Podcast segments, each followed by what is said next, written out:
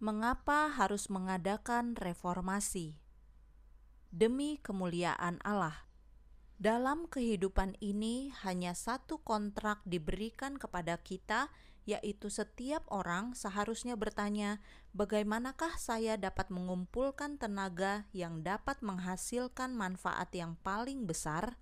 Bagaimanakah saya dapat melakukan yang terbaik demi kemuliaan Allah dan keuntungan sesama manusia? Karena hidup itu bernilai hanya kalau digunakan untuk memperoleh keuntungan seperti ini. Kewajiban kita yang terutama bagi Allah dan sesama manusia ialah pengembangan diri kita sendiri. Sang Pencipta telah mengaruniakan daya pikir kepada kita.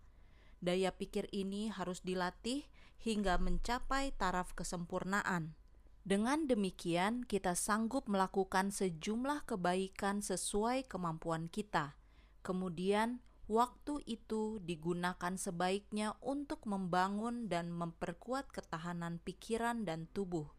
Kita tidak patut mengerdilkan atau melumpuhkan fungsi tubuh atau pikiran. Apabila kita melakukannya, kita harus menanggung akibatnya. Memilih hidup atau mati. Setiap orang mempunyai kesempatan besar untuk menjadikan dirinya sesuai dengan pilihannya. Dia dapat menjangkau berkat-berkat kehidupan ini dan juga keadaan yang baka. Ia bisa saja membangun satu tabiat yang luhur sambil mendapat kekuatan yang baru pada setiap langkah. Setiap hari dia akan berkembang dalam pengetahuan dan akal budi sambil mengecap kebahagiaan sehingga kebajikan dan anugerah bertambah-tambah. Daya pikirnya semakin kuat apabila digunakan. Akal budinya semakin mendalam dan kemampuan otaknya semakin besar. Kecakapan, pengetahuan, dan kebajikannya berkembang simetris menjadi kekuatan yang lebih besar. Sebaliknya, kesanggupan akan berkarat kalau tidak digunakan kesanggupan itu bisa saja berubah karena kebiasaan jahat, kurang pengendalian diri, atau karena kurang dukungan moral dan keuletan beragama. Kemudian hidupnya cenderung merosot sehingga melawan hukum Allah dan aturan kesehatan. Akhirnya, selera mengalahkannya sehingga ia hanyut. Lebih mudah baginya untuk membiarkan kuasa kejahatan yang selalu giat menyeretnya mundur daripada maju ke depan sambil melawan kejahatan itu. Maka timbul pemborosan, penyakit, dan kematian. Beginilah sejarah banyak orang yang seharusnya bermanfaat dalam melayani Allah dan sesama manusia. Carilah kesempurnaan. Allah rindu agar kita mencapai standar kesempurnaan yang dimungkinkan oleh anugerah Kristus. Dia memanggil kita untuk membuat pilihan yang benar, menghubungkan diri dengan wakil surgawi, dan memegang prinsip yang akan mengembalikan kita kepada citra ilahi. Dalam firman-Nya yang tertulis dan di dalam buku alam, Dia telah menyatakan prinsip kehidupan. Kita harus berusaha mengetahui prinsip-prinsip ini oleh penurutan dan bekerja sama dengan Dia, memulihkan kesehatan tubuh dan jiwa. Semua organ yang hidup adalah milik Tuhan. Dia memilikinya atas dasar penciptaan dan penebusan. Oleh menyalahgunakan salah satu kesanggupan itu, kita merampas penghormatan yang seharusnya diberikan kepadanya. Masalah penurutan kita tidak memahami kewajiban kita kepada Allah dalam mempersembahkan kepadanya tubuh kita yang sehat, bersih, dan murni kalau kita gagal merawat tubuh kita, itu adalah satu penghinaan terhadap Pencipta. Telah tersedia peraturan-peraturan untuk umat manusia. Kalau ini dituruti, mereka akan terhindar dari penyakit dan kematian dini. Satu sebab mengapa kita tidak menikmati lebih banyak berkat Tuhan ialah kita tidak memperhatikan terang yang diberikan kepada kita dengan sukacita, yaitu tentang hukum, yang terkait dengan peraturan hidup dan kesehatan. Sebenarnya Allah adalah pencipta hukum fisik dan hukum moral. hukum-hukumnya ditulis dengan jarinya sendiri pada setiap syaraf, setiap otot, dan setiap sel otak yang telah dipercayakan pada manusia. Sang Pencipta telah mengatur organ-organ tubuh kita menjadi satu unit mesin yang hidup. Dengan kebijaksanaan yang luar biasa, masing-masing dijadikannya berfungsi. Allah berjanji pada dirinya sendiri untuk memelihara mesin tubuh manusia itu tetap sehat jika ia mau menurut hukum-hukumnya dan bekerja sama dengan Dia. Setiap hukum yang mengatur mesin tubuh manusia harus dianggap benar-benar ilahi dalam hal asal-usul, sifat, dan kepentingannya seperti firman Allah. Setiap kelalaian, tindakan sembrono, atau penyalahgunaan mekanisme Allah yang ajaib itu adalah pelanggaran hukum Allah. Begitu pula kalau kita kurang menghargai aturan khusus kesehatan, kita dapat menyaksikan dan mengagumi pekerjaan Allah di dalam alam, tetapi habitat manusia adalah yang paling mengagumkan. Adalah dosa apabila melanggar aturan-aturan kesehatan, sama halnya dengan dosa melanggar sepuluh hukum. Keduanya sama-sama melanggar hukum Allah. Mereka yang melanggar hukum Allah dalam organisme tubuh mereka akan cenderung melanggar hukum Allah yang diturunkan di Bukit Sinai. Juru selamat kita telah memberi amaran kepada murid-muridnya bahwa sebelum kedatangannya yang kedua kali, satu keadaan akan muncul sama seperti yang telah terjadi sebelum air bah. Makan minum akan dilakukan secara berlebihan. Dunia akan menggandrungi kepelesiran. Keadaan seperti ini terjadi pada saat ini Dunia sudah menyerah kepada pemanjaan nafsu. Dunia mode akan memperbudak kita dalam kebiasaan-kebiasaan jelek, yaitu kebiasaan yang semakin menciptakan kita seperti penduduk Sodom yang terkutuk itu. Saya merasa heran mengapa penduduk dunia sekarang ini tidak dimusnahkan seperti penduduk Sodom dan Gomora. Saya dapat melihat cukup bukti dari kebejatan moral di dunia ini nafsu berahi menguasai pertimbangan sehat, dan perhatian orang banyak tertuju kepada nafsu.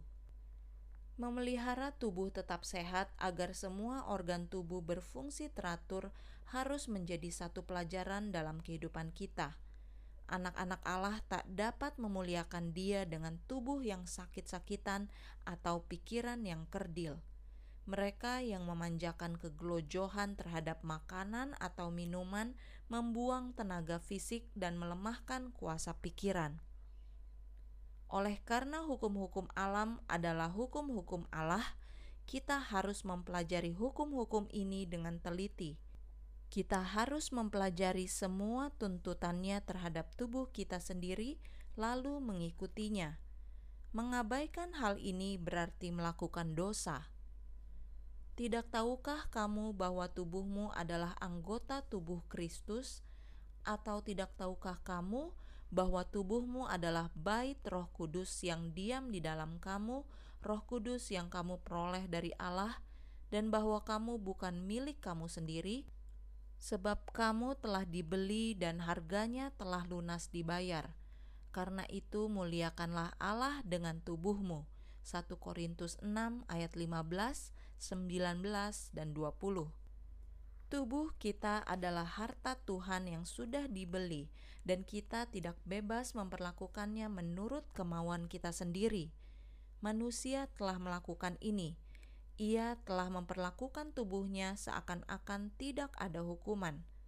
Dengan nafsu yang diselewengkan, semua organ dan kuasa tubuhnya telah dilemahkan, disakiti, dan dilumpuhkan ia masih mengejek Allah sekalipun setan membawa akibat buruk padanya dengan berjenis-jenis pencobaan. Di hadapan Allah, ia mempersembahkan tubuhnya yang telah dibeli Kristus sebagai miliknya. Alangkah sedihnya pengorbanan yang demikian di hadapan Penciptanya. Oleh karena manusia telah berdosa terhadap tubuhnya dan telah merusak kehidupannya, maka Allah telah dihinakan. Jika orang benar-benar bertobat, maka dengan sadar mereka akan menghargai aturan-aturan hidup yang telah ditetapkan Allah dalam tubuh mereka. Dengan demikian, mereka berusaha menghindari kelemahan fisik dan pikiran, serta kebejatan moral. Penurutan akan hukum-hukum ini haruslah dijadikan satu tugas pribadi. Kita sendiri harus menderita penyakit karena pelanggaran hukum kita wajib mempertanggungjawabkan kepada Allah kebiasaan dan perbuatan kita. Pertanyaan bagi kita bukanlah apa komentar dunia, tetapi sebagai orang yang mengaku umat Allah, bagaimana aku harus memperlakukan tempat tinggal yang diberikan Allah padaku Akankah aku bekerja demi kebaikan jasmani dan rohani dengan memelihara tubuhku sebagai keabah tempat tinggal Roh Kudus? Atau akankah saya mengorbankan tubuhku kepada pendapat dunia dan segala kebinasaannya? Hukuman karena kelalaian. Allah telah membentuk hukum yang mengatur keberadaan kita. Hukum ini adalah ilahi dia telah menempatkannya di dalam diri kita. Untuk setiap pelanggaran, ada hukuman tertentu yang segera atau lambat akan dirasakan. Umat manusia telah dan masih menderita penyakit. Kebanyakan penyakit ini timbul karena mengabaikan hukum organ tubuh mereka sendiri. Nampaknya mereka tidak peduli masalah kesehatan mereka bekerja dengan sabar untuk menghancurkan tubuh mereka. Setelah tubuh itu hancur dan menderita, mereka mulai mencari dokter atau meracuni diri sendiri sampai mati. Tidak selamanya buta. Apabila ditanyakan tentang kesehatan, mereka sering menjawab, "Kami lebih banyak mengetahui daripada melakukannya." Mereka tidak menyadari tanggung jawab mereka terhadap setiap sinar terang sehubungan dengan kesehatan tubuh. Mereka tidak sadar bahwa setiap kebiasaan diperhatikan Allah. Janganlah perlakukan tubuh itu secara sembrono. Setiap organ tubuh, bahkan setiap jaringannya, haruslah dilindungi dari praktek-praktek yang merusak.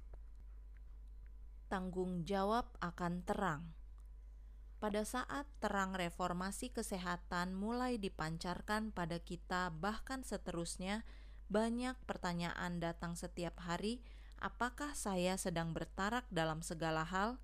Apakah menu makanan saya akan menuntun saya kepada suatu keadaan di mana saya dapat melakukan yang terbaik?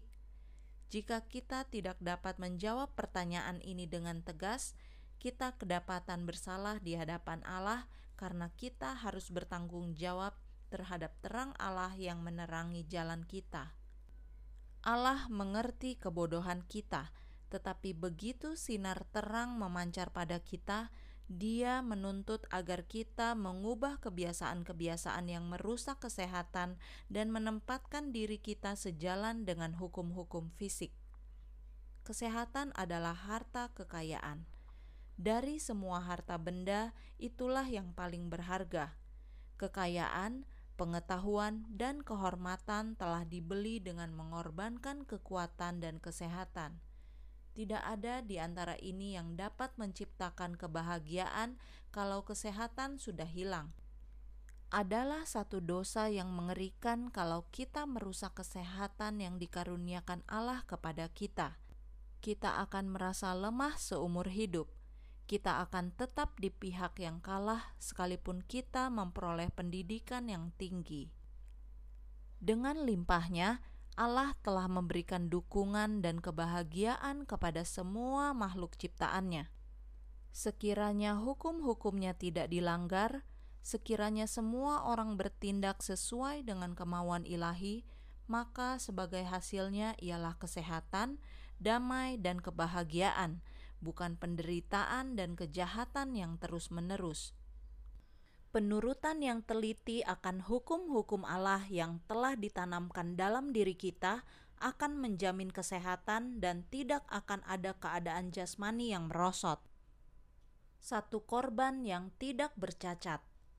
Dalam upacara korban bangsa Yahudi dahulu kala, setiap hewan korban harus tidak bercacat celah Dalam ayat itu dikatakan agar kita mempersembahkan tubuh kita sebagai korban yang hidup, suci, dan berkenan di hati Tuhan. Inilah pelayanan kita yang sepatutnya. Kita adalah ciptaan Allah. Sementara memikirkan hasil karya Allah yang mengagumkan dalam tubuh manusia, pemazmur berseru, "Aku bersyukur kepadamu oleh karena kejadianku dahsyat dan ajaib." Banyak orang terdidik dalam ilmu pengetahuan sehingga mengenal teori kebenaran, tetapi mereka tidak memahami hukum yang mengendalikan tubuhnya. Allah telah memberikan fasilitas dan keterampilan. Selaku putra-putri Allah, kita wajib memanfaatkannya sebaik-baiknya. Jikalau kita melemahkan kuasa tubuh dan pikiran dengan kebiasaan-kebiasaan buruk atau pemanjaan selera, maka tidak mungkin kita menghormati Allah sebagaimana mestinya. Allah menuntut agar tubuh kita diserahkan padanya sebagai korban yang hidup, bukan yang mati atau yang sekarat. Persembahan orang Yahudi itu seharusnya tidak bercelah. Apakah menyenangkan bagi Allah untuk menerima persembahan yang busuk atau penyakitan? Dia menandaskan bahwa tubuh kita adalah bait Roh Kudus dia menghendaki kita untuk memelihara bait ini agar itu menjadi tempat tinggal yang cocok bagi rohnya. Rasul Paulus memberikan nasihat ini kepada kita, kamu bukan milik kamu sendiri, sebab kamu telah dibeli dan harganya telah lunas dibayar. Karena itu, muliakanlah Allah dengan tubuhmu. Semua orang harus berusaha untuk memelihara tubuh dalam kondisi sehat, agar mereka dapat melayani Allah dengan sempurna dan melakukan tugasnya dengan baik dalam lingkungan keluarga dan masyarakat. Satu korban yang menyedihkan. Kita harus memahami cara makan, minum, dan berpakaian demi pemeliharaan kesehatan. Penyakit timbul karena pelanggaran terhadap hukum kesehatan. Itu adalah akibat dari pelanggaran hukum alam Tugas kita yang utama ialah menurut hukum-hukum Allah, termasuk kesehatan. Ini menyangkut utang kita kepada Allah, diri sendiri, dan sesama manusia. Jikalau diri kita terserang penyakit, kita memperberat beban para sahabat kita, begitu juga kita membebankan tugas kita kepada anggota-anggota keluarga dan tetangga apabila terjadi kematian dini sebagai akibat pelanggaran kita terhadap hukum alam, kita membawa duka cita kepada orang lain. Kita menyusahkan tetangga karena kita tidak dapat lagi menolong mereka. Kita merampas ketenangan anggota keluarga. Kita tak dapat lagi menolong mereka sebagaimana mestinya. Kita merampas Allah karena kita tak dapat lagi melayani Dia dalam kemuliaannya Kemudian, dalam arti yang luas, bukankah kita melanggar hukum Allah? Tetapi Allah pemurah, berbelas kasihan, dan lemah lembut. Bila mana terang memancar kepada mereka yang telah merusak kesehatannya oleh pemanjaan dosa, kemudian mereka menyadari dosa itu lalu bertobat dan mencari pengampunan, maka Allah menerima persembahan mereka. Oh, betapa lembut kemurahan hatinya, sehingga ia tidak menolak orang berdosa yang menderita tetapi bertobat. Dalam kemurahannya, dia menyelamatkan jiwa mereka dari api. Tetapi betapa memalukan satu korban yang buruk diserahkan kepada Allah yang suci dan murni. Pikiran yang cerdas telah dilumpuhkan oleh kebiasaan-kebiasaan yang salah dalam pemanjaan dosa segala aspirasi dirusakkan sehingga tubuh dan jiwa pun menjadi rusak. Mengapa perlu terang reformasi kesehatan? Allah telah membiarkan sinar terangnya menyinari kita pada zaman ini. Kabut dan kegelapan dapat diusir sejauh-jauhnya. Kabut ini telah menebal pada generasi yang lalu oleh karena pemanjaan dosa rentetan kejahatan dapat dikurangi, yaitu kejahatan sebagai akibat kegelojohan.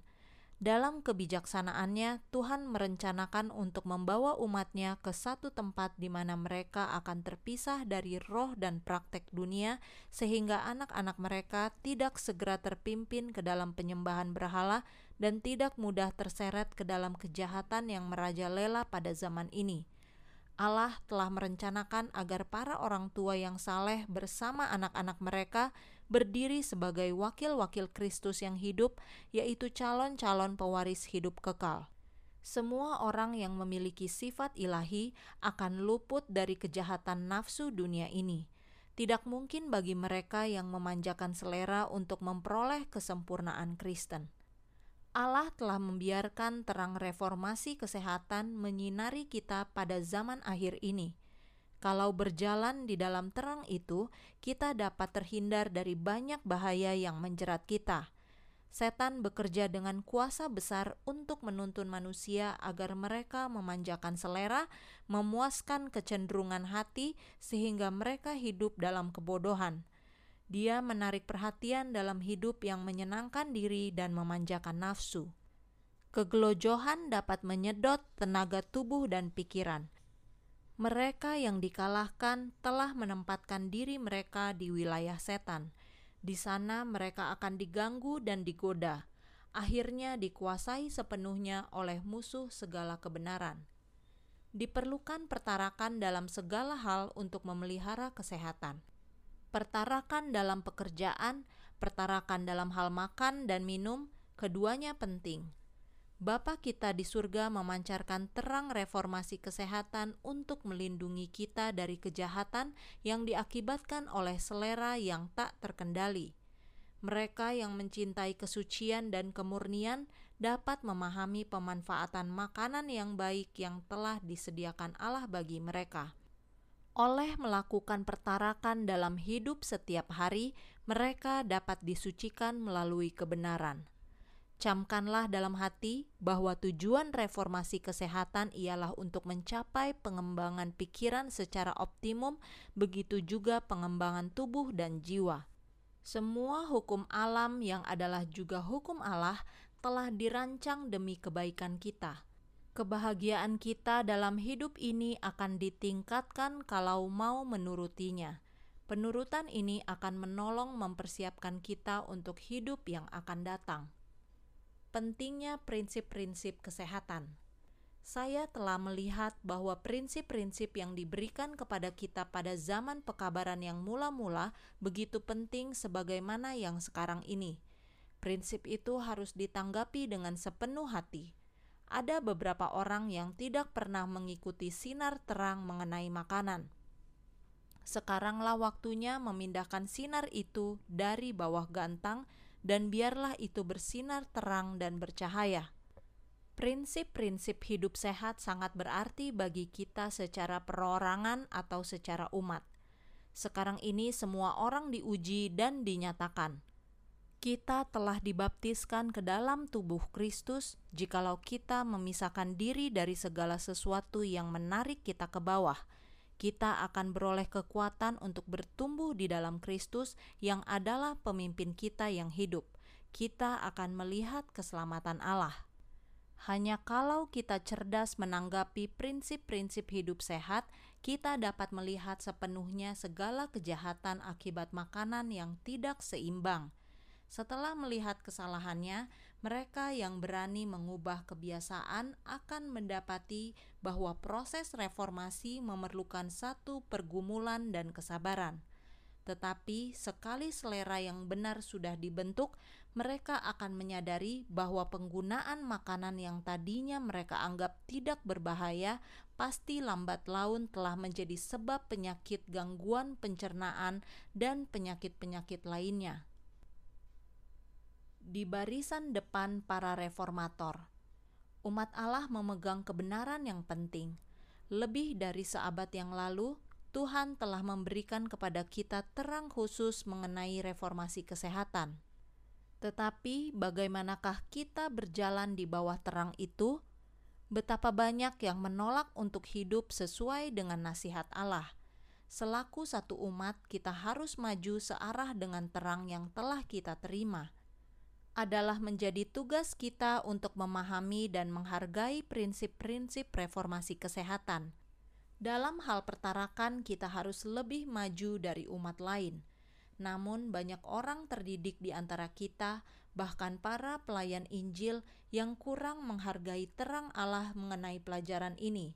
Mereka makan seenaknya dan bekerja seenaknya biarlah para guru dan pimpinan kita berdiri teguh di atas landasan Alkitab yang menyangkut reformasi kesehatan. Biarlah mereka bersaksi tegas kepada mereka yang percaya bahwa kita sedang hidup di zaman akhir sejarah dunia. Harus ada garis pemisah antara mereka yang melayani Allah dengan mereka yang melayani diri sendiri Apakah orang-orang yang menantikan penggenapan pengharapan kita yang penuh bahagia dan pernyataan kemuliaan Allah yang maha besar dan juru selamat kita Yesus Kristus harus ketinggalan di belakang para pemuka agama yang tidak mempercayai kedatangan juru selamat yang segera akan terjadi? Umat pilihan yang telah disucikan Allah bagi dirinya yang akan dibawa ke surga tanpa mengalami kematian seharusnya tidak berdiri di belakang orang lain dalam pekerjaan kebajikan. Dalam usaha menyucikan diri mereka dari semua kekotoran daging dan roh, sambil menyempurnakan kesucian dalam takut akan Allah, mereka seharusnya sudah melangkah lebih jauh dari kelompok umat lain di dunia, sebagaimana kepercayaan mereka lebih tinggi daripada yang lain reformasi kesehatan, dan doa untuk orang sakit. Agar tetap murni setelah disucikan, umat Allah harus memiliki Roh Kudus di dalam hati dan di rumah tangga mereka. Tuhan telah memberikan kepadaku satu terang bahwa apabila Israel zaman ini merendahkan diri di hadapannya dan membersihkan keabah jiwa dari segala pencemaran, maka Dia akan mendengar doa untuk orang sakit dan memberkati pengobatan penyakitnya.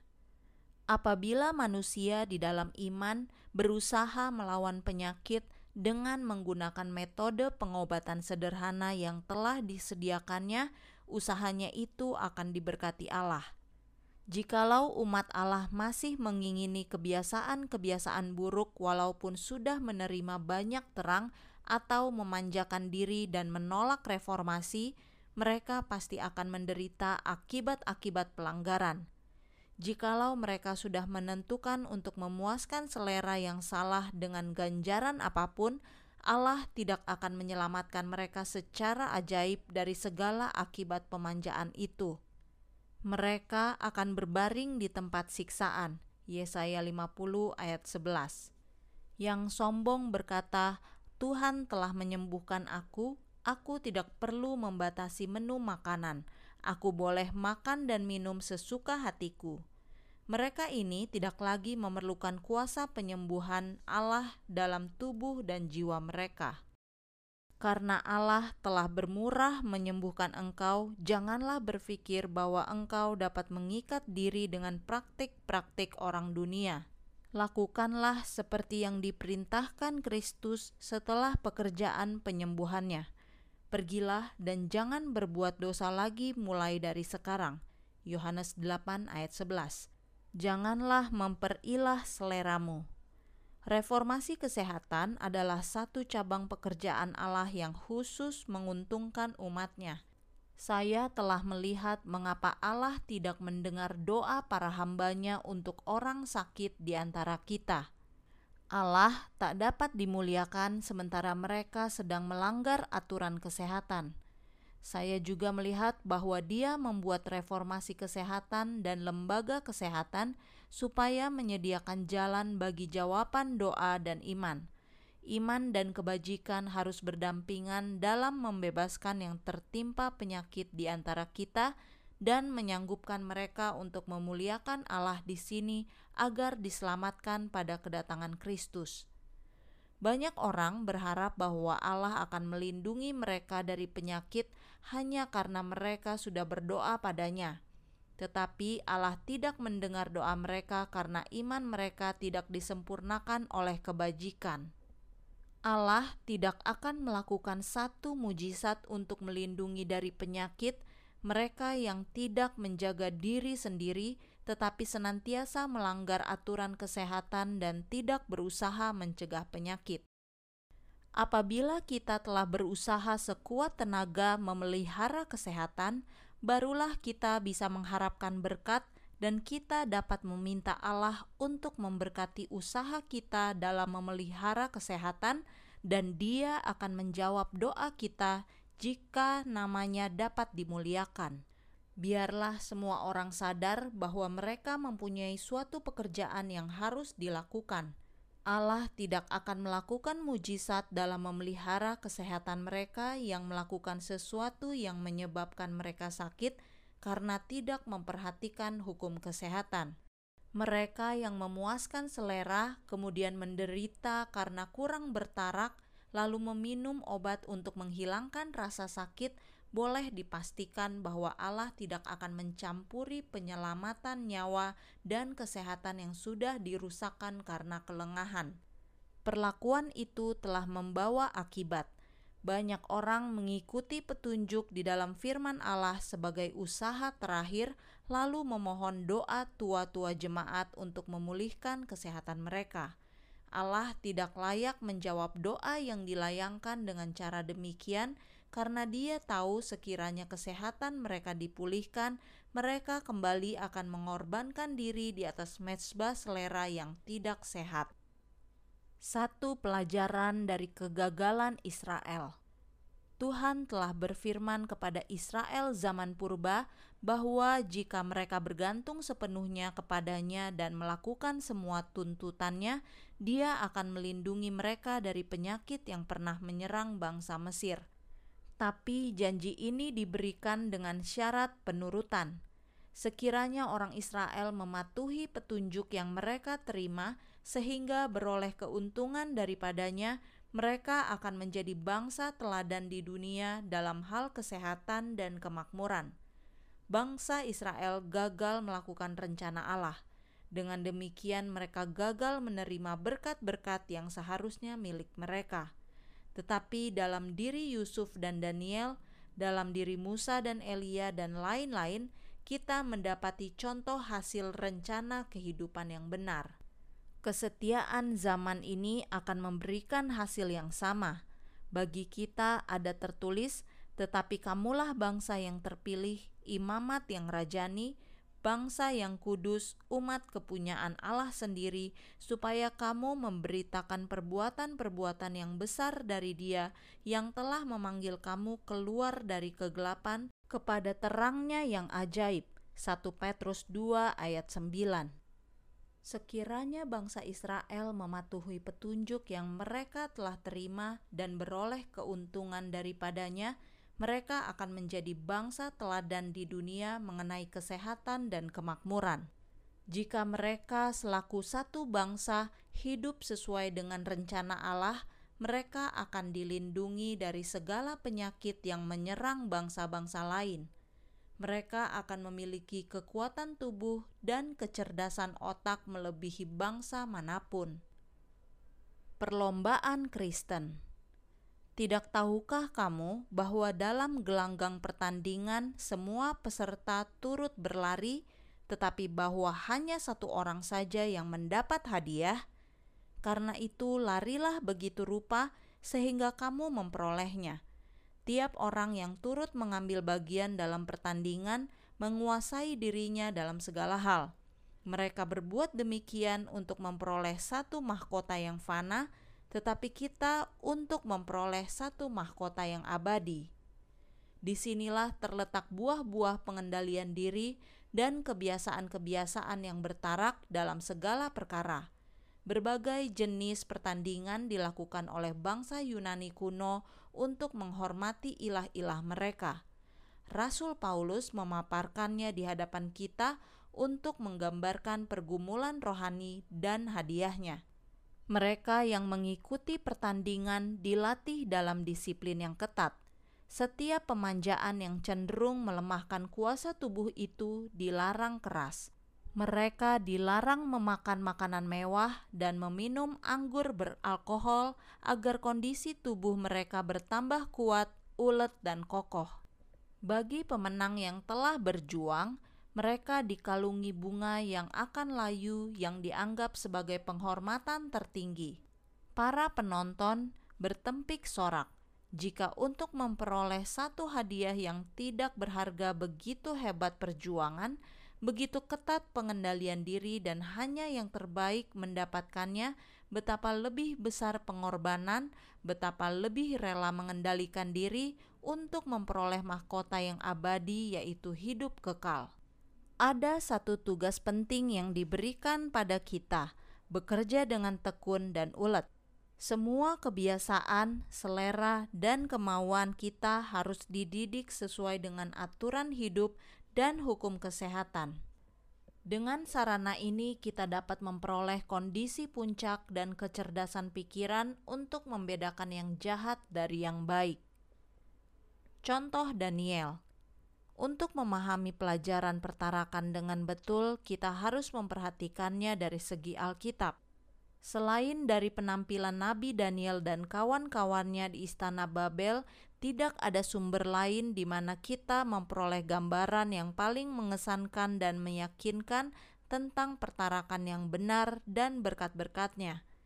Allah senantiasa menghargai yang benar Raja Babel telah menawan sejumlah pemuda tangguh dari seluruh negeri. Di antara semuanya terdapatlah tawanan pemuda Ibrani yang tak ada tandingannya.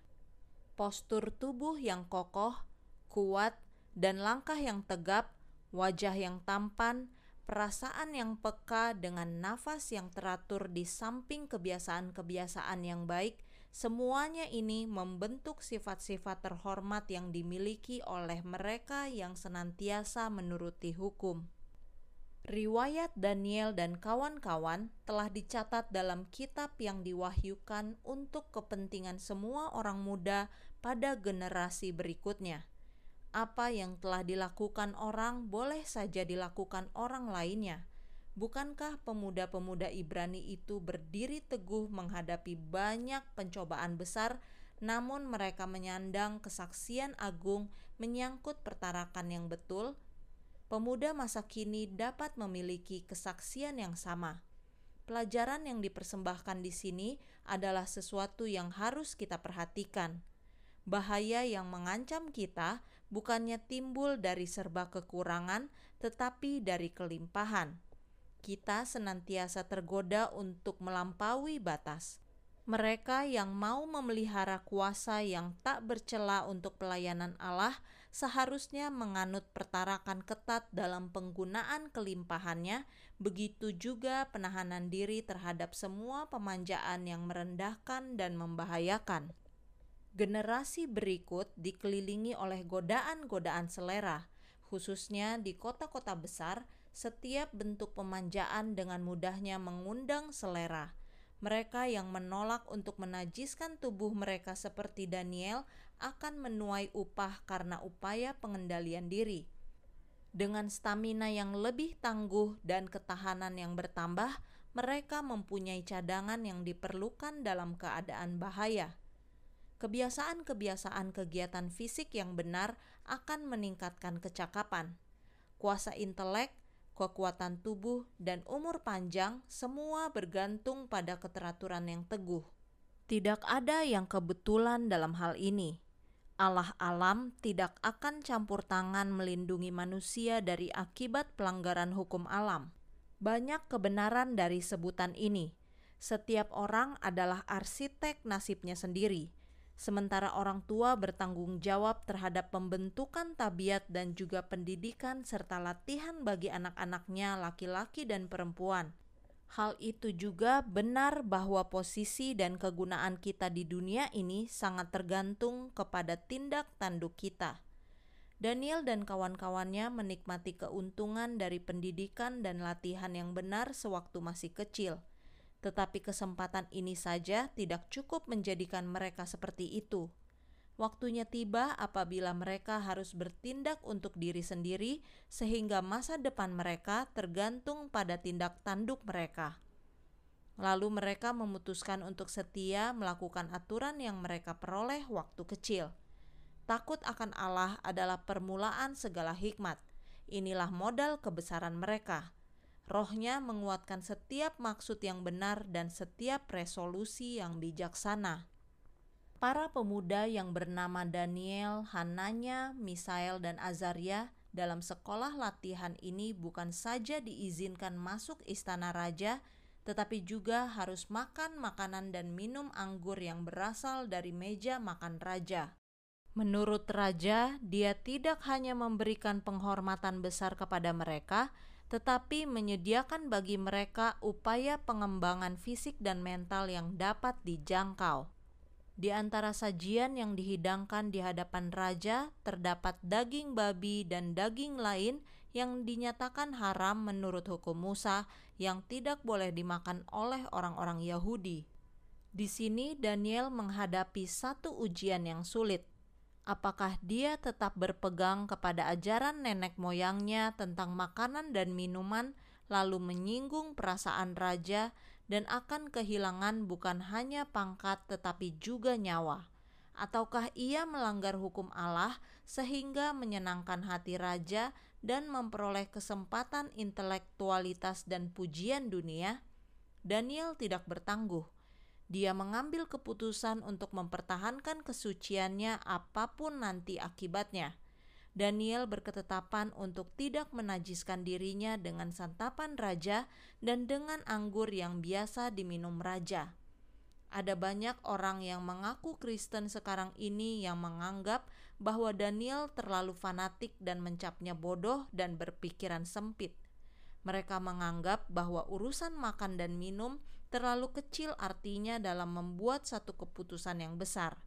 Mungkin salah satu sebabnya ialah pengorbanan setiap kesempatan di dunia ini.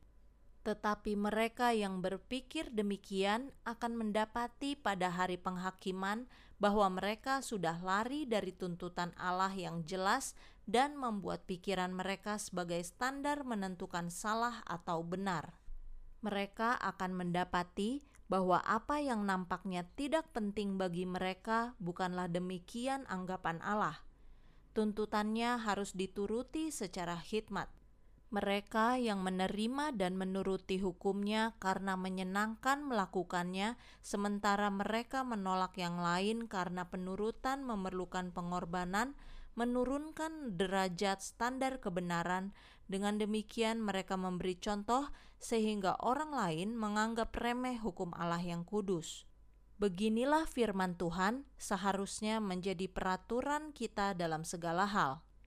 Tabiat Daniel diberikan kepada dunia sebagai satu contoh tentang peranan kemurahan Allah dalam diri manusia yang jatuh secara alamiah dan dicemari dosa catatan mengenai hidupnya yang agung dan penuh penyangkalan diri adalah pendorong bagi umat manusia. Dari pengalaman ini, kita dapat memperoleh kekuatan untuk melawan pencobaan agar kita dapat berdiri teguh menghadapi pencobaan besar dengan kerendahan hati. Mungkin juga Daniel dapat membuat alasan yang masuk akal untuk meninggalkan kebiasaan bertaraknya yang ketat itu tetapi teguran Tuhan lebih berharga daripada pujian raja dunia yang berkuasa, lebih berharga daripada nyawa itu sendiri. Setelah mendapat perhatian dari Melzar, pegawai istana yang mengatur pemuda Ibrani itu, Daniel mengajukan permohonan supaya mereka tidak makan makanan raja atau mengecap anggurnya. Melzar takut mengabulkan permohonan ini kemungkinan itu akan menimbulkan ketidaksenangan raja sehingga nyawanya terancam. Sebagaimana lazimnya manusia sekarang ini beranggapan bahwa makanan yang sederhana akan membuat para pemuda itu berwajah pucat dan sakit, lalu kekurangan tenaga otot, sedangkan makanan lezat dari meja raja akan membuat mereka kekar dan ganteng, sehingga kegiatan fisik sangat menonjol. Daniel meminta supaya diadakan percobaan dalam 10 hari. Para pemuda Ibrani selama waktu yang singkat ini diizinkan makan makanan sederhana, sementara teman-teman mereka makan makanan raja. Akhirnya, permohonan ini diluluskan, dan Daniel merasa pasti bahwa dia sudah menang. Meskipun dia masih muda, dia sudah melihat pengaruh anggur beralkohol dan kehidupan mewah terhadap kesehatan tubuh dan pikiran. Pada hari ke-10, hasilnya ditemukan bertentangan dengan dugaan Melzar, bukan hanya dalam penampilan pribadi, tetapi dalam fisik dan mental. Mereka yang biasa bertarak menunjukkan kelebihan atas teman-teman mereka yang memanjakan selera. Sebagai hasil percobaan ini, Daniel dan kawan-kawan diizinkan untuk makan makanan sederhana selama pendidikan untuk tugas kerajaan. Memperoleh persetujuan Tuhan. Allah menghargai dan menyetujui keteguhan dan penyangkalan diri para pemuda Ibrani ini. Dia memberkati mereka Allah memberikan pengetahuan dan kepandaian tentang berbagai-bagai tulisan dan hikmat, sedang Daniel juga mempunyai pengertian tentang berbagai-bagai penglihatan dan mimpi. Seusai pendidikan selama tiga tahun, setelah raja menguji pengetahuan dan keterampilan mereka, didapatinya bahwa di antara mereka sekalian itu tidak didapati yang setara dengan Daniel, Hananya, Misael, dan Azaria maka bekerjalah mereka itu pada raja. Dalam tiap-tiap hal yang memerlukan kebijaksanaan dan pengertian yang ditanyakan raja kepada mereka, didapatinya bahwa mereka sepuluh kali lebih cerdas daripada mereka yang berilmu dan semua ahli jampi di seluruh kerajaannya. Di sinilah sebuah pelajaran bagi semua orang, khususnya bagi orang-orang muda Penurutan yang sungguh-sungguh akan tuntutan Allah adalah berguna bagi kesehatan tubuh dan pikiran. Untuk mencapai standar intelek dan moral yang tinggi, seseorang perlu mencari akal budi dan kekuatan dari Allah dan menganut pertarakan ketat dalam segala kebiasaan hidup. Dalam pengalaman Daniel dan kawan-kawan, kita mendapat satu kemenangan prinsip melawan penggodaan pemanjaan selera kita melihat melalui prinsip agama bahwa orang-orang muda boleh menang melawan keinginan-keinginan tubuh dan tetap setia kepada tuntutan Allah, sekalipun memerlukan pengorbanan yang besar. Tidak bersedia menghadapi seruan nyaring, sebagaimana telah ditunjukkan pada saya. Reformasi kesehatan adalah sebagian dari pekabaran malaikat ketiga Keduanya berhubungan erat sama seperti lengan dengan tangan pada manusia.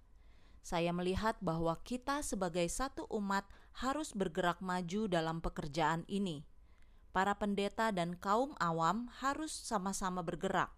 Umat Allah tidak bersedia menghadapi seruan nyaring dari malaikat yang ketiga. Mereka mempunyai satu pekerjaan untuk diri sendiri. Janganlah membiarkan Allah melakukannya dia telah memberikan pekerjaan ini bagi manusia untuk diselesaikan. Itu adalah pekerjaan pribadi. Seorang tidak dapat melakukannya untuk orang lain. Karena kita sekarang memiliki janji-janji itu, marilah kita menyucikan diri dari semua pencemaran jasmani dan rohani, dengan demikian menyempurnakan kekudusan kita dalam takut akan Allah. Kegelojohan adalah dosa besar zaman ini selera nafsu memperbudak laki-laki dan perempuan, mengelabui intelektualitasnya, dan menumpulkan kesadaran moral begitu rupa sehingga kebenaran firman Allah yang ditinggikan itu tidak dihargai. Sifat-sifat binatang telah menguasai baik laki-laki maupun perempuan. Umat Allah harus mengenal diri mereka supaya mereka dapat diangkat ke surga mereka harus mengenal keadaan tubuh agar bersama pemazmur mereka dapat berseru, Aku bersyukur kepadamu oleh karena kejadianku dahsyat dan ajaib. Selera mereka harus ditaklukkan di bawah pengawasan organ-organ intelek dan moral. Tubuh itu seharusnya menjadi hamba bagi pikiran, bukan pikiran diperhamba tubuh. Persiapan menghadapi penyegaran Allah menuntut umatnya supaya membersihkan diri mereka dari segala pencemaran daging dan roh untuk menyempurnakan kesucian di dalam takut akan Allah. Mereka yang enggan melakukannya dan memaafkan diri dalam pekerjaan ini, lalu menantikan Tuhan untuk melakukannya bagi mereka, sedangkan Dia menuntut mereka melakukannya sendiri, akan didapati berkekurangan pada hari murka Tuhan. Tetapi orang-orang sabar di bumi yang telah menjalankan perintahnya akan terlindung telah ditunjukkan pada saya bahwa jika umat Allah tidak berusaha melakukan bagiannya, tetapi menunggu datangnya penyegaran, lalu membuang dosa dan membersihkan kesalahan.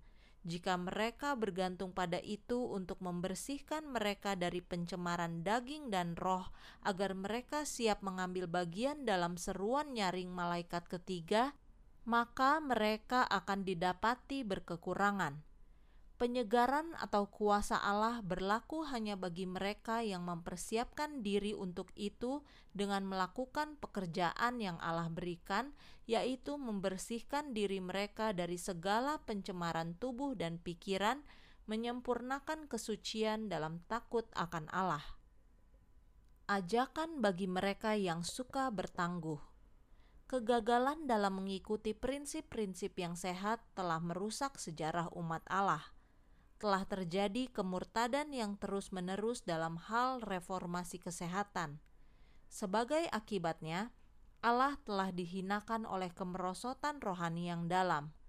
Penghalang-penghalang telah didirikan. Sekiranya umat Allah berjalan di dalam terang, semua penghalang ini tidak akan kelihatan bagi kita yang mempunyai kesempatan besar, apakah kita membiarkan umat manusia di dunia berjalan mendahului kita dalam hal reformasi kesehatan? Apakah kita merendahkan pikiran dan menyalahgunakan talenta kita dengan cara makan yang salah? Akankah kita melanggar hukum Allah yang kudus oleh mengikuti praktek mementingkan diri? Apakah kelengahan kita menjadi buah bibir dan cemoohan? Tegakah kita hidup bertentangan dengan kehidupan Kristus sehingga juru selamat merasa malu memanggil kita saudara-saudaranya? Tidakkah lebih baik kita melakukan pekerjaan pengobatan misionaris, yaitu praktik penginjilan dan hidup begitu rupa sehingga damai Allah dapat menguasai hati kita? Tidakkah kita menyingkirkan semua batu sandungan dari kaki orang-orang yang tidak percaya, mengingat tugas kita selaku orang Kristen? Jauh lebih baik, janganlah menyandang nama Kristen kalau kamu hanya mengaku Kristen, sedang pada saat yang sama kamu memanjakan selera sehingga merangsang nafsu birahi. Allah memanggil setiap anggota jemaat untuk mempersembahkan hidupnya pada pelayanan Tuhan dia meminta reformasi yang pasti. Seluruh alam ciptaan meraung karena menderita kutuk. Umat Allah harus menempatkan dirinya di mana mereka dapat bertumbuh dalam anugerah setelah tubuh, pikiran, dan jiwa disucikan oleh kebenaran. Bila mana mereka melepaskan diri dari pemanjaan yang merusak kesehatan, mereka akan lebih jelas melihat asas kesalehan yang sejati maka perubahan hebat akan terjadi dalam pengalaman keagamaan. Semua orang sedang diuji. Sangat penting bagi kita untuk melakukan bagian kita secara pribadi dan mempunyai pengertian yang mendalam tentang apa yang harus kita makan dan minum, dan bagaimana caranya kita hidup demi memelihara kesehatan. Semua orang akan diuji apakah mereka menerima semua prinsip reformasi kesehatan atau masih mau memanjakan selera. Janganlah seorang berpendapat bahwa dalam hal makanan dia dapat melakukan segala sesuatu menurut kehendak hatinya biarlah semua orang yang mengelilingi meja makan bersamamu dapat melihat bahwa kamu sendiri mengikuti prinsip aturan makan, begitupun dalam hal lain, agar kemuliaan Allah dapat dinyatakan. Kamu tidak boleh melakukan yang sebaliknya, karena tabiatmu harus dibentuk untuk hidup kekal yang akan datang. Tanggung jawab besar ditempatkan di atas jiwa manusia Marilah kita memahami tanggung jawab ini dan memikulnya dengan tabah di dalam nama Tuhan. Bagi setiap orang yang tergoda memanjakan selera, saya suka berkata, "Janganlah menyerah kepada pencobaan, tetapi batasilah dirimu dalam penggunaan makanan sehat. Engkau dapat melatih diri untuk menikmati makanan sehat." Allah menolong mereka yang berusaha menolong dirinya sendiri. Tetapi apabila manusia tidak mau menanggung derita untuk mengikuti jalan pemikiran dan kehendak Allah, bagaimanakah Allah dapat bekerja sama dengan mereka? Marilah kita melakukan bagian kita dalam mempertahankan keselamatan kita dengan takut dan gentar. Kalau tidak ada takut dan gentar, kita cenderung melakukan kesalahan dalam memelihara tubuh kita. Di hadapan Allah, kita diwajibkan memeliharanya dalam kondisi yang paling memuaskan. Reformasi sejati adalah reformasi hati, mereka yang bekerja di dalam pekerjaan Allah tidak boleh mencari kepuasan dunia dan pemanjaan diri sendiri. Para dokter di lembaga-lembaga kita harus dikuasai prinsip hidup reformasi kesehatan. Kaum lelaki tidak akan pernah bertarak dengan sungguh-sungguh kecuali kasih karunia Kristus menjadi prinsip abadi di dalam hatinya. Dengan semua ikrar di dunia ini, kamu suami istri tidak akan menjadi reformator kesehatan. Pembatasan makanan tidak akan mengubah selera yang sudah salah. Tuan dan nyonya tidak dapat bertarak dalam segala hal kecuali hati mereka diubah oleh kasih karunia Allah. Keadaan tidak dapat membuat reformasi. Kekristenan menawarkan satu reformasi di dalam hati yang dikerjakan Kristus di dalam hati akan dikerjakan di bawah perintah intelek seseorang yang sudah bertobat. Rencana yang dimulai dari luar kemudian mengerjakannya ke dalam ini biasanya gagal dan selalu akan gagal. Rencana Allah bagimu ialah memulainya di dalam hati sekalipun sukar. Kemudian dari dalam hati akan mengalir prinsip-prinsip kebenaran karena reformasi nampak di luar sebagaimana di dalam. Mereka yang berusaha mengangkat standar sesuai peraturan Allah, yaitu yang berusaha menurut terang yang mereka dapat dari Allah melalui firman-Nya dan kesaksian Roh Kudus, tidak akan mengubah prinsip untuk memenuhi keinginan sahabat dan handai tolan apakah satu, dua, atau semua orang yang hidup bertentangan dengan peraturan Allah yang bijaksana. Jika dalam hal ini kita bergerak dalam prinsip, jika kita menuruti aturan makanan secara ketat, jika selaku orang Kristen kita mendidik selera kita sesuai rencana Allah, kita akan menyebarkan pengaruh yang menyenangkan hati Tuhan.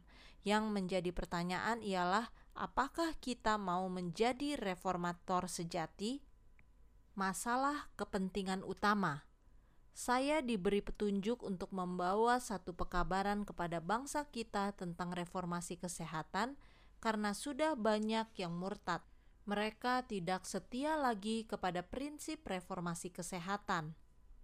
Allah merencanakan anak-anaknya supaya bertumbuh cukup dewasa di dalam Kristus sebagai laki-laki dan perempuan untuk melakukannya, mereka harus menggunakan dengan betul setiap kuasa pikiran, jiwa, dan tubuh.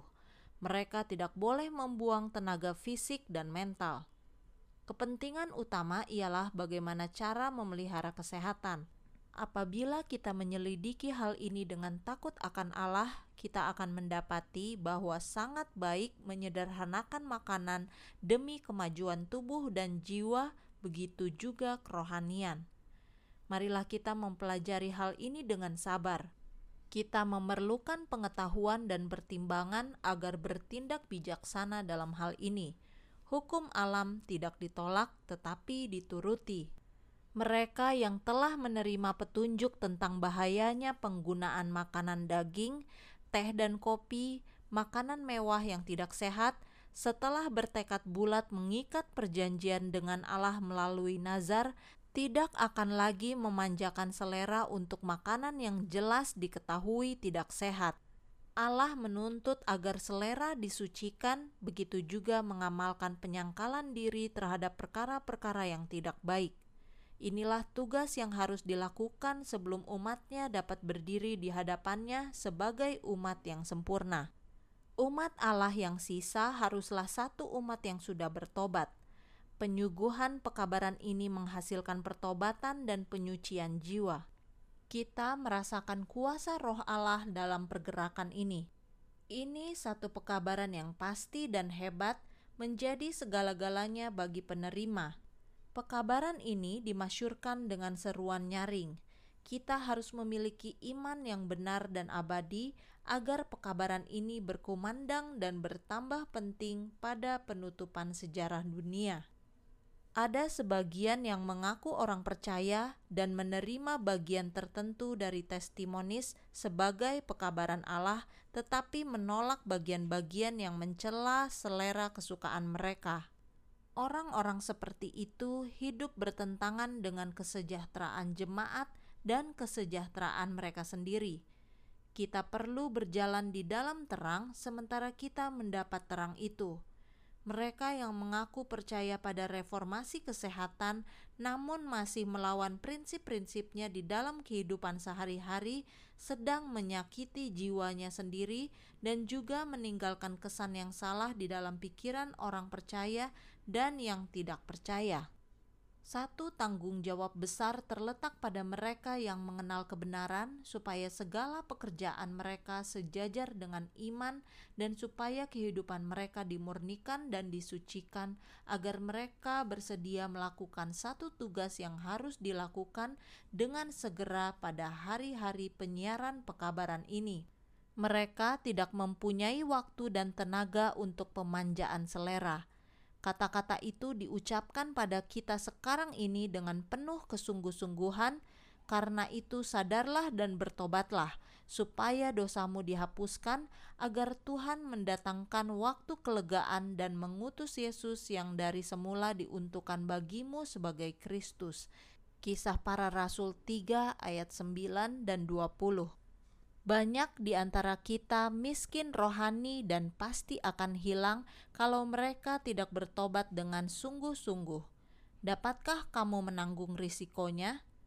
Hanya kuasa Kristus saja yang dapat melakukan perubahan di dalam hati dan pikiran. Perubahan ini harus dialami semua orang yang mengambil bagian dengannya, yaitu hidup baru dalam kerajaan surga. Yesus menjawab, katanya, Aku berkata kepadamu, sesungguhnya jika seorang tidak dilahirkan kembali, ia tidak dapat melihat kerajaan Allah. Yohanes 3 ayat 3 Agama yang berasal dari Allah itulah satu-satunya agama yang dapat menuntun pemeluknya kepada Allah. Untuk melayani dia dengan baik, kita harus dilahirkan dari roh Allah. Inilah yang menuntun kepada kewaspadaan itu akan memurnikan hati dan membarui pikiran dan menyanggupkan kita mengenal dan mengasihi Allah. Itu akan memberikan pada kita penurutan akan semua tuntutannya. Itulah ibadah yang benar. Satu garis depan terpadu. Kita telah diberi tugas memajukan reformasi kesehatan. Tuhan menginginkan agar umatnya rukun satu dengan yang lain Sebagaimana saudara harus ketahui, kita tidak akan meninggalkan posisi di mana Tuhan menyuruh kita berdiri sejak 35 tahun yang lalu. Waspadalah bagaimana kamu menempatkan dirimu menentang pekerjaan reformasi kesehatan. Pekerjaan itu akan maju karena itulah sarana Allah untuk mengurangi penderitaan di dunia kita ini dan memurnikan umatnya. Berhati-hatilah dengan sikapmu jangan sampai kamu kedapatan mendatangkan perpecahan. Saudaraku, sekalipun kamu gagal membawa berkat ke dalam kehidupanmu dan keluargamu dengan mengikuti prinsip reformasi kesehatan, janganlah membahayakan orang lain dengan menolak terang yang diberikan Allah dalam hal ini. Tuhan telah memberikan satu pekabaran reformasi kesehatan kepada umatnya – Terang ini telah bersinar pada jalan mereka selama 30 tahun. Tuhan tidak dapat mempertahankan hamba-hambanya dalam satu arus yang bertentangan. Dia merasa sedih ketika hamba-hambanya menentang pekabaran dalam hal ini yang telah diberikan kepada mereka untuk disampaikan kepada orang lain. Dapatkah Allah merasa senang apabila separuh dari para pekerja setempat mengajarkan prinsip reformasi kesehatan yang berhubungan erat dengan pekabaran malaikat ketiga sebagaimana lengan dengan tubuh, sedangkan yang separuh lagi mengajarkan prinsip yang sama sekali bertentangan, ini dianggap sebagai satu dosa di pemandangan Allah. Kekecewaan besar menimpa para pekerja Allah yang memiliki kapasitas mental dan memahami dasar-dasar iman, tetapi oleh pengajaran dan perbuatan menunjukkan sikap apatis terhadap peraturan moral.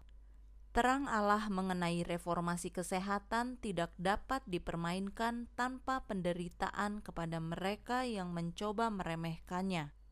Tidak ada orang yang dapat mengharapkan kemajuan dalam pekerjaan Tuhan, sementara mereka menolak terang Allah itu, baik oleh pengajaran atau perbuatan. Para pendeta perlu memberikan instruksi tentang hidup bertarak mereka harus menunjukkan hubungannya dengan makan, bekerja, istirahat, dan berpakaian yang menunjang kesehatan. Semua orang yang percaya akan kebenaran pada akhir zaman ada hubungannya dengan hal ini. Mereka memikirkannya. Allah menuntut mereka untuk membangkitkan kemauan diri dalam reformasi ini. Dia tidak merasa senang atas perbuatan mereka jika menyepelekan masalah ini tersandung atas berkat. Malaikat berpesan, "Jauhkanlah dirimu dari nafsu daging yang berperang melawan jiwa. Kamu telah tersandung pada reformasi kesehatan. Itu bukanlah suatu tambahan kepada kebenaran. Memang bukan tambahan, karena itu adalah sebagian dari kebenaran. Inilah satu tugasmu yang mendesak lebih daripada apa yang kamu pernah lakukan." sementara kamu ragu dan mundur kalau gagal merangkul berkat yang diperuntukkan bagimu, kamu akan kehilangan. Kamu tersandung atas berkat yang ditempatkan surga di jalanmu untuk melancarkan gerak maju. Setan menampilkannya bagimu dalam terang yang paling menyilaukan, agar kamu melawan yang sebenarnya sangat menguntungkan bagimu, yaitu bagi kesehatan tubuh dan pikiranmu. Perhatikan penghakiman. Tuhan memanggil mereka yang mau bergabung dengan pasukannya. Mereka yang sakit-sakitan perlu menjadi reformator kesehatan. Allah akan bekerja sama dengan anak-anaknya dalam memelihara kesehatan jikalau mereka makan dengan hati-hati dan tidak mau memasukkan beban yang tidak perlu ke dalam lambung. Jalan alam telah diciptakannya kokoh dan aman sesuai anugerahnya. Jalan itu cukup lebar bagi semua orang yang mau memakainya. Untuk memelihara hidup kita, Dia telah memberikan produk bumi yang paling menyehatkan. Dia yang tidak mengindahkan petunjuk yang telah diberikan Allah dalam firman-Nya dan dalam buah tangannya, Dia tidak akan menurut perintah, mempunyai pengalaman yang cacat, menjadi seorang Kristen yang sakit-sakitan. Kehidupan rohaninya lemah, kelihatannya hidup, tetapi hidupnya itu tidak semarak. Dia membuang jauh kesempatan kasih karunia yang berharga. Banyak orang merusak tubuhnya dengan mengabaikan hukum kehidupan, dan mereka tidak akan pernah sembuh karena sikap ini. Namun, sekarang mereka menyesal dan bertobat manusia mencoba berlaku lebih bijaksana daripada Allah. Dia membuat bagi dirinya aturan sendiri. Allah memanggil kita untuk memperhatikan perintah-perintahnya. Jangan lagi menghina dia dengan mengerdilkan kuasa tubuh, pikiran, dan roh. Kematian dini adalah akibat penyimpangan dari Allah untuk mengikuti jalan dunia ini. Dia yang memanjakan diri akan menanggung hukumannya. Dalam penghakiman, kita akan melihat betapa sungguh-sungguh Allah membalas pelanggaran terhadap hukum-hukum kesehatan. Kemudian, sementara kita memeriksa kembali tindak tanduk kita, kita akan melihat pengetahuan akan Allah yang seharusnya kita peroleh tabiat agung yang seharusnya kita bentuk, sekiranya kita menjadikan kitab suci sebagai penasihat. Allah sedang menantikan umatnya, hendaknya mereka bijaksana dalam pengetahuan, sementara kita memperhatikan kesengsaraan, kejelekan, dan penyakit yang telah menyusup ke dalam dunia sebagai akibat dari kebodohan pemeliharaan tubuh, apakah kita mau bertangguh dalam menyampaikan amaran ini? Kristus telah menyatakan bahwa seperti pada zaman Nuh, ketika bumi ini penuh dengan kekerasan dan dicemari oleh kejahatan, begitulah keadaannya ketika Anak Manusia datang. Allah telah memberikan terang besar bagi kita Jikalau kita berjalan dalam terang ini, kita akan melihat keselamatannya. Perubahan yang pasti sangat diperlukan. Sudah tiba waktunya bagi kita untuk merendahkan hati yang sombong dan angkuh dan mencari Tuhan sementara Dia masih dapat ditemukan. Sebagai satu umat, kita perlu merendahkan hati di hadapan Allah karena bilur ketidaktetapan hati ada di dalam kehidupan kita. Tuhan sedang memanggil kita untuk memasuki barisan. Hari sudah senja, malam sudah dekat. Penghakiman Allah sudah terlihat, baik di darat atau di laut. Tidak ada kesempatan kedua diberikan kepada kita. Ini bukanlah waktunya untuk membuat satu gerakan palsu biarlah semua orang bersyukur kepada Allah karena kita masih mempunyai kesempatan membentuk tabiat untuk hidup kekal yang akan datang.